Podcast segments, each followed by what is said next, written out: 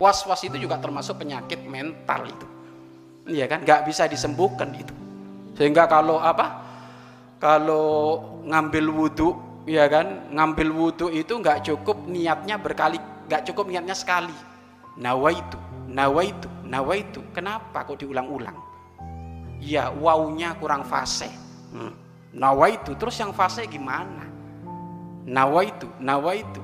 Setelah fase, nawa itu, ternyata apa dia merasa hatiku belum nyambung. Nah, ini terus kayak gitu.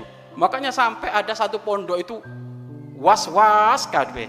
Kiainya, kiainya was-was, santrinya juga was-was. Akhirnya pesantren kumpulan orang was-was.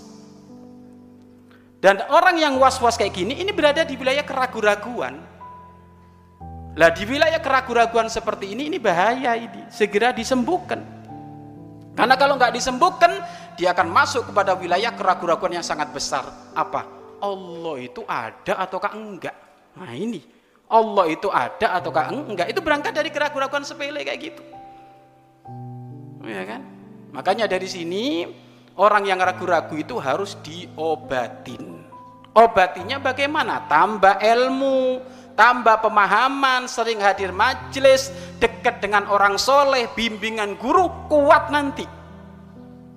Ya kan? Ku, kuat. Karena kalau sudah was-was itu capek was-was. Air satu satu kamar mandi, satu apa? Satu birka, satu kolam kamar mandi itu habis hanya buat ngambil wudhu tinggal separuh ya kan kan capek badal wudhu sangat simpel inti mau baca nawaitul wudu'a atau enggak enggak baca itu sunnah yang penting anti hatimu nih niat saya niat wudhu karena Allah sudah beres. Ya kan enggak pakai rirafil hadasil asgor enggak apa-apa. Dan nggak usah pakai mustakbilal kiblati ngambil wudhu pakai mustakbilal kiblati. Ini kan keblinger ini.